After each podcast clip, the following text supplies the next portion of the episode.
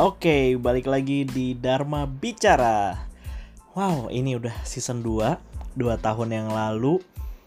Saya memulai Dharma Bicara ini karena pengen bagi banyak hal sama teman-teman terutama di podcast karena teman-teman bisa menggunakan podcast untuk mendengarkan banyak hal selama perjalanan, selama belajar, selama lagi tidur-tiduran dan sambil santai.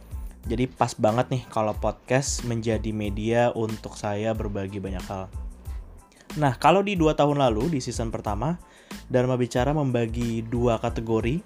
Pertama menjadi Dharma, dan yang kedua adalah bersama Dharma. Kali ini saya akan bicara sendiri, tentunya akan berbagi pengalaman sama teman-teman tentang apa yang sedang saya rasakan saat ini. Di tahun 2021, yang paling melelahkan adalah sebenarnya menggunakan banyak sekali aplikasi di smartphone. Kenapa sih teman-teman bisa mendownload ini dan itu, kemudian menggunakan aplikasi-aplikasi baru, berbagi sama teman-teman di medsos yang baru. Misalnya yang paling ngetren adalah Clubhouse yang kali ini akan diikuti oleh banyak sekali orang karena itu merupakan media sosial baru yang menjadi media untuk teman-teman bertukar pikiran entah sebagai host atau entah menjadi speaker dan juga sebagai pendengar. Tapi di podcast ini saya akan kasih tahu teman-teman bahwa banyaknya aplikasi juga bisa membuat kita kelelahan, bahkan ketika kita di rumah aja. Kalau misalnya kita di rumah aja selama pandemi, tentu teman-teman mikir akan lebih menyenangkan dibandingkan kegiatan kita sebelumnya. Di mana kita selalu keluar rumah dengan kegiatan yang padat, tentunya di rumah aja akan jadi lebih bugar, segar, uh, lebih banyak istirahat dan lain-lain. Tapi ternyata tidak.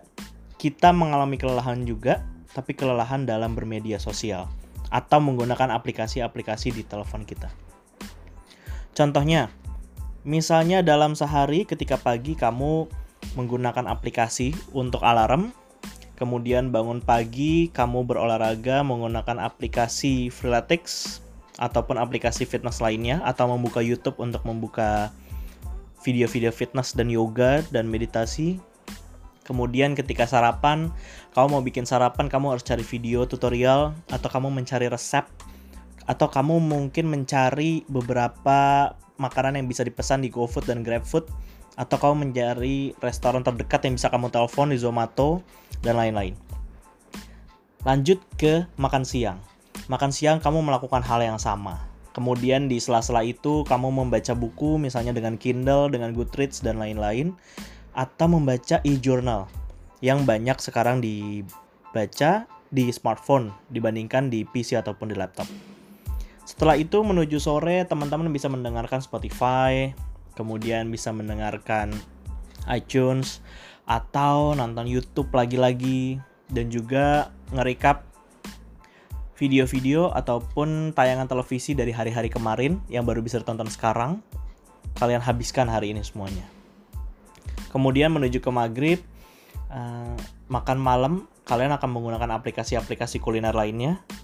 Kemudian ketika malam menjelang tidur, teman-teman ada yang bermeditasi lagi, ada yang olahraga lagi, atau ada yang membaca lagi, tapi tetap menggunakan aplikasi. Jadi hampir 24 jam kita menggunakan aplikasi di smartphone kita. Jadi nggak heran nih kalau orang Indonesia tuh termasuk kategori yang menggunakan screen time tertinggi di dunia. Karena kita menggunakan 6-7 jam dalam 24 jam sehari untuk memegang telepon genggam. Entah berbagai aplikasi maupun uh, medsos, chat, dan juga aplikasi-aplikasi lain ya, misalnya untuk belajar ataupun untuk kerja, misalnya Zoom, Microsoft Teams, Google Class dan lain-lain. Tapi teman-teman, sebenarnya perhatian kita itu adalah hal yang paling mahal. Waktu kita tuh paling mahal. Dan itu yang sedang kita buang-buang sekarang. Maka dari itu kita jangan membuang waktu kita untuk teknologi sepenuhnya. Saya bukannya bilang teknologi itu nggak begitu bagus tapi dia seperti pisau dengan dua sisi, ada yang bagus, ada yang buruk. Ada yang baik, ada yang kurang baik. Jangan sampai teknologi akhirnya memanfaatkan kita, menggunakan kita sebagai data, menggunakan kita sebagai angka, pembaca, penonton, dan lain-lain. kita yang harusnya meraup manfaat sebesar-besarnya dari teknologi, bukan sebaliknya. Nah, kalau teman-teman mau bisa membawa hubungan teman-teman dengan teknologi jadi lebih asik lagi, kemudian ke arah yang baru, saya punya nih idenya. Idenya adalah dengan melakukan beberes digital atau sekarang dikenal dengan nama digital declutter.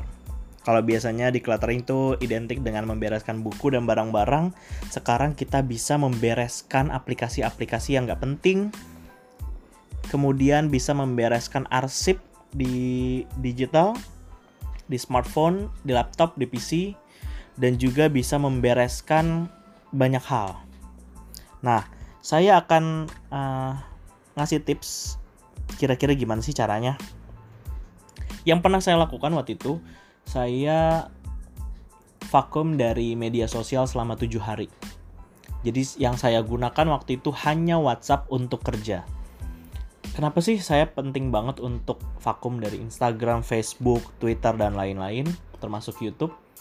Karena ternyata setelah tidak menggunakan lagi media sosial untuk sementara waktu dalam waktu itu tujuh hari, seminggu, saya bisa mengerjakan banyak hal. Saya bisa bikin naskah dua kali lebih cepat, saya bisa riset lebih banyak, saya bisa membaca lebih banyak buku, saya bisa tidur dengan tenang, saya bisa mengatasi kelelahan mata, saya bisa olahraga lebih banyak, saya bisa punya waktu yang berkualitas untuk bicara sama keluarga, dan lain-lain. Banyak sekali waktu yang saya punya.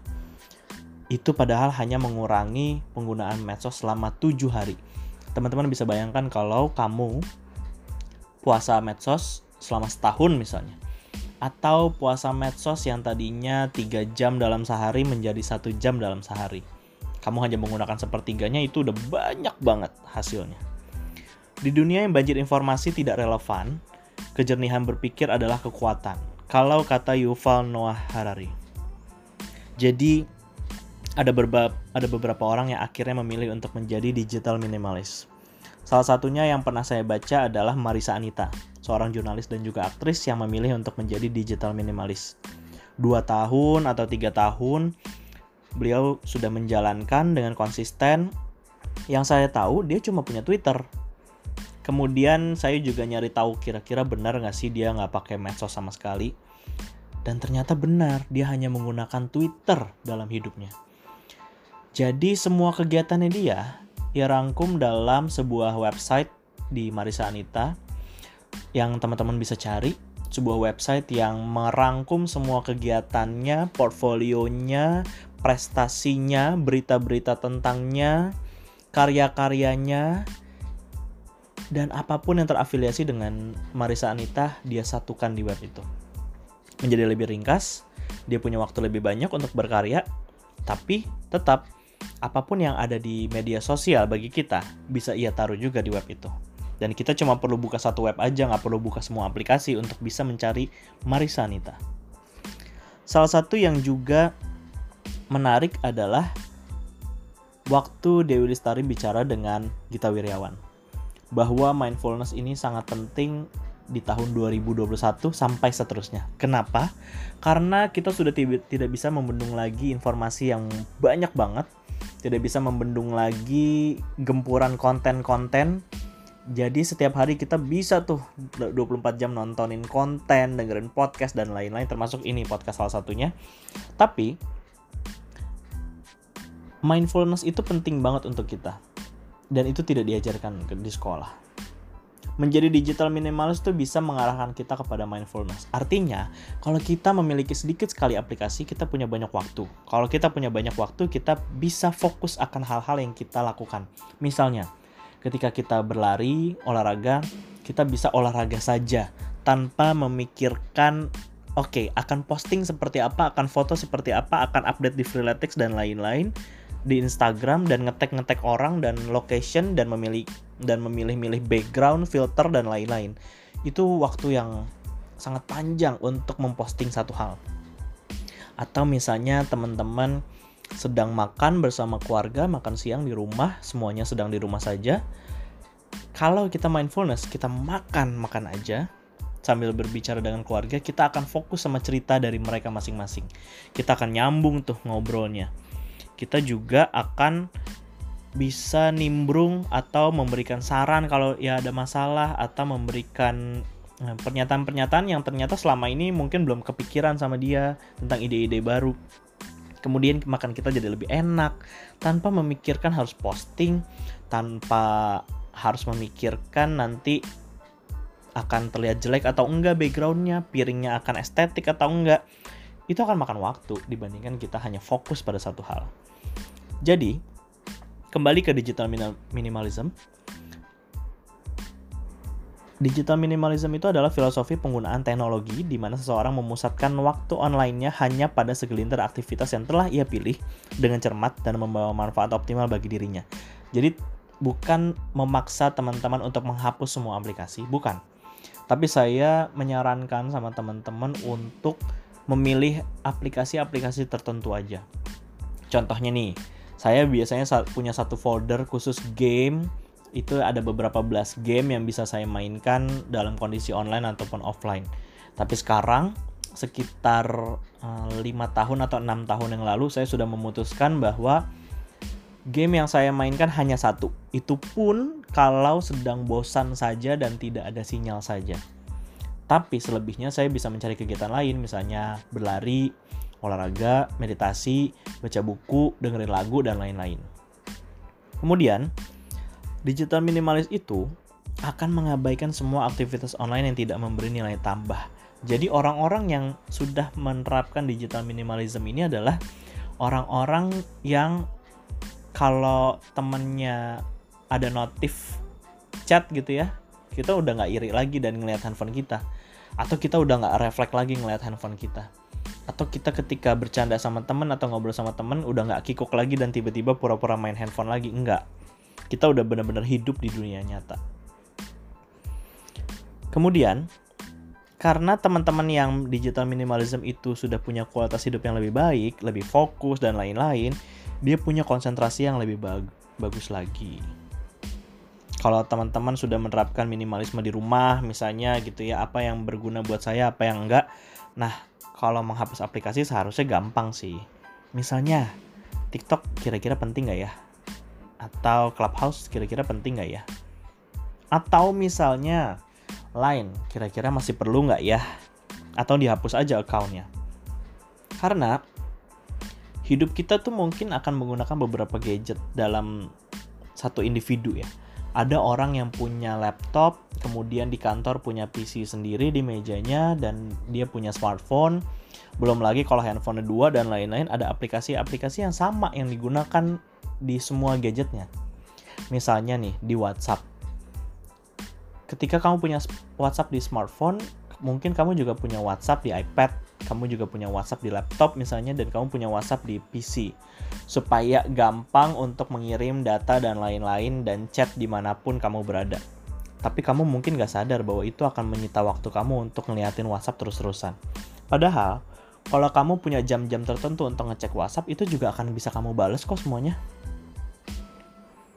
Nih, misalnya di ponsel kita ada browser, ada chat, ada email, ada e-commerce, ada aplikasi bahasa asing, ada peta, ada transportasi, dan lain-lain.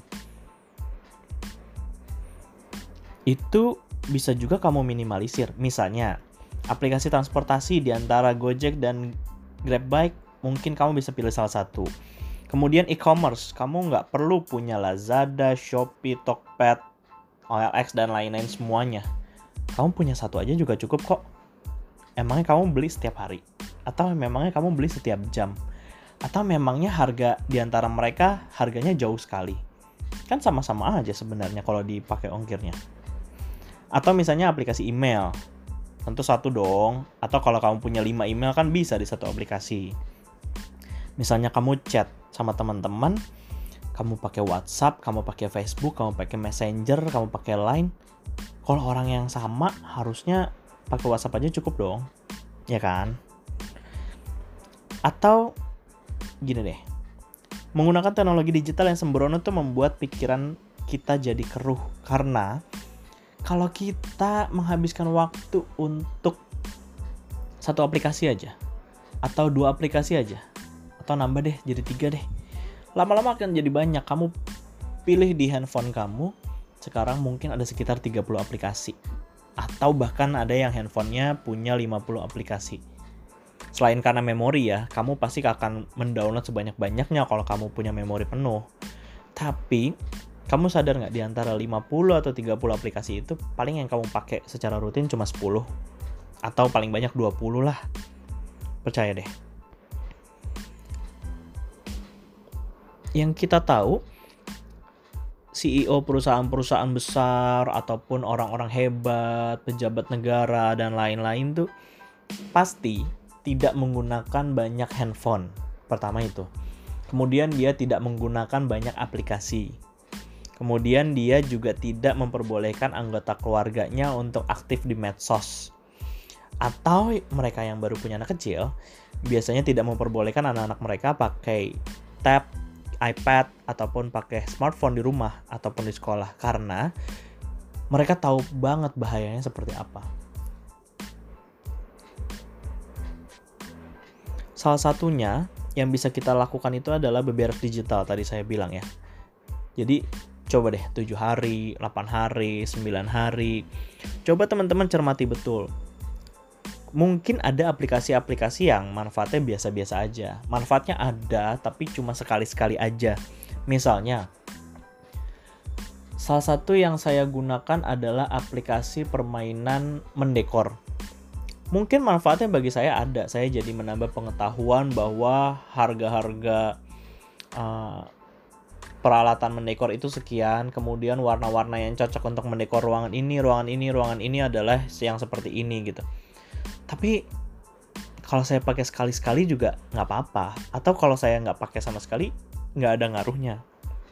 Coba deh teman-teman cermati dan putuskan apa yang terbaik buat kamu. Terus yang kedua adalah coba kembalikan kesendirian dalam hidup anda. Mungkin teman-teman selama ini menganggap handphone itu teman ya. Handphone itu adalah pasangan hidup handphone adalah segala-galanya. Kalau ketinggalan dompet nggak apa-apa ketinggalan handphone jangan. Mungkin gitu tapi kalau teman-teman ngerasa handphone itu bukan teman lagi, bukan pasangan lagi, taruh di meja dalam waktu 1-2 jam aja.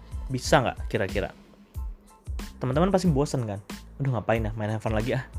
Nah, kalau teman-teman sudah merasakan seperti itu, coba deh jangan jadikan handphone sebagai pelariannya. Jadikan hal lain sebagai pelariannya. Misalnya, bosan di rumah ngapain ya? Coba deh teman-teman nyiram. Bosan di rumah ngapain ya? Coba teman-teman menata tanaman. Aduh bosan nih ngapain ya? Coba teman-teman baca. Coba teman-teman bisa menulis, bisa menonton film, bisa mengubah posisi tempat tidur dan kursi di kamar misalnya, atau bisa coba memasak, atau teman-teman bisa mengutak-ngatik isi kulkas, atau teman-teman bisa ngobrol sama orang tua, dan lain-lain. Jangan di dalam selimut doang, di tempat tidur kemudian main handphone 24 jam dari pagi sampai malam. Jangan-jangan, itu bahaya. Atau teman-teman bisa nih menggantikan waktu yang dulu terisi main gadget untuk kegiatan-kegiatan yang offline. Kayak tadi ya, ada olahraga, ada melukis, ada baca buku, main board game dan lain-lain. Ada banyak kegiatan. Tapi jangan jadikan handphone sebagai pendampingnya kalau teman-teman mau lari ya udah lari aja. Jangan posting-posting. Kalau teman-teman mau makan ya udah makan aja. Jangan posting-posting. Atau kalau posting sekali aja deh. Jangan satu makanan posting lima kali. Lama kapan dimakannya? Nah kalau teman-teman sudah eksperimen 7 hari 8 atau 9 hari gitu ya coba teman-teman akan sadari betapa produktifnya kalian selama ini. Kalau tidak menggunakan handphone sebagai kegiatan utama dalam hari-hari kalian.